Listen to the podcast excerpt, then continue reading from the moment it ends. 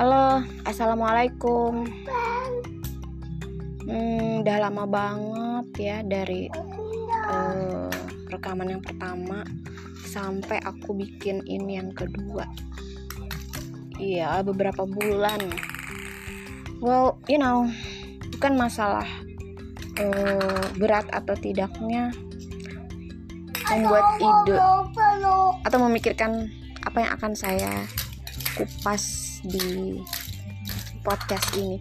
Tapi lebih kepada uh, menyisikan waktu untuk merekam suara tanpa adanya keributan-keributan yang nggak perlu.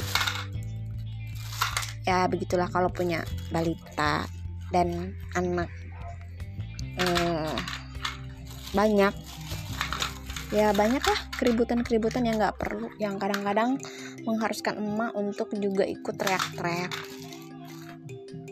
Oke kita uh, kembali ke tema kita tentang berwirausaha. Um, pernah nggak sih kamu merasa nggak yakin dengan produk jualan kamu? Saya pernah. Hmm, entah kenapa karena eh, nggak enak sama teman saya ikutan teman jualan sesuatu produk. Awal-awalnya sih enak-enak aja karena ya profitnya lumayan. Tapi kemudian saya tuh kadang kadang-kadang merasa unstable gitu loh unstable merasa tidak stabil gitu loh. Kadang-kadang merasa enak kadang-kadang merasa tidak enak dan kadang-kadang merasa tidak yakin dengan produk saya ini apakah benar-benar bermanfaat benar-benar berkhasiat sesuai dengan deskripsi yang selalu saya share di semua medsos saya. Apakah uh, manfaatnya sesuai dengan harganya? Dan apakah keuntungan yang saya dapatkan ini tidak menjolimi orang lain gitu loh yang sudah membeli produk saya Pernah nggak kamu merasakan seperti itu? Nah, saran saya, ketika kamu merasa tidak yakin, hanya ada dua. Pertama, tinggalkan produk itu. Cari produk lain yang lebih membuat kamu yakin.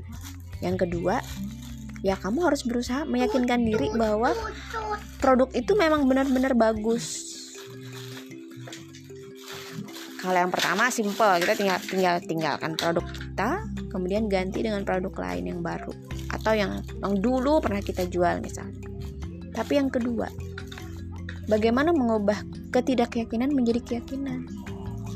Caranya dengan mempelajari uh, deskripsi produk knowledge produk uh, mempelajari knowledge produk semakin dalam lagi semakin luas dan semakin banyak sehingga kita menguasai uh, manfaat produk tersebut dan benar-benar yakin.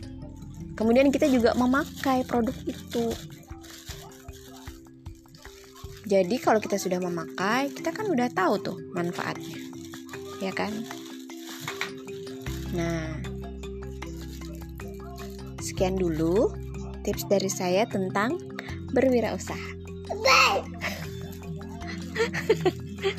nah itulah keributan-keributan yang tadi saya sebutkan. Ciao Assalamualaikum warahmatullahi wabarakatuh. Sampai jumpa di podcast yang berikutnya ya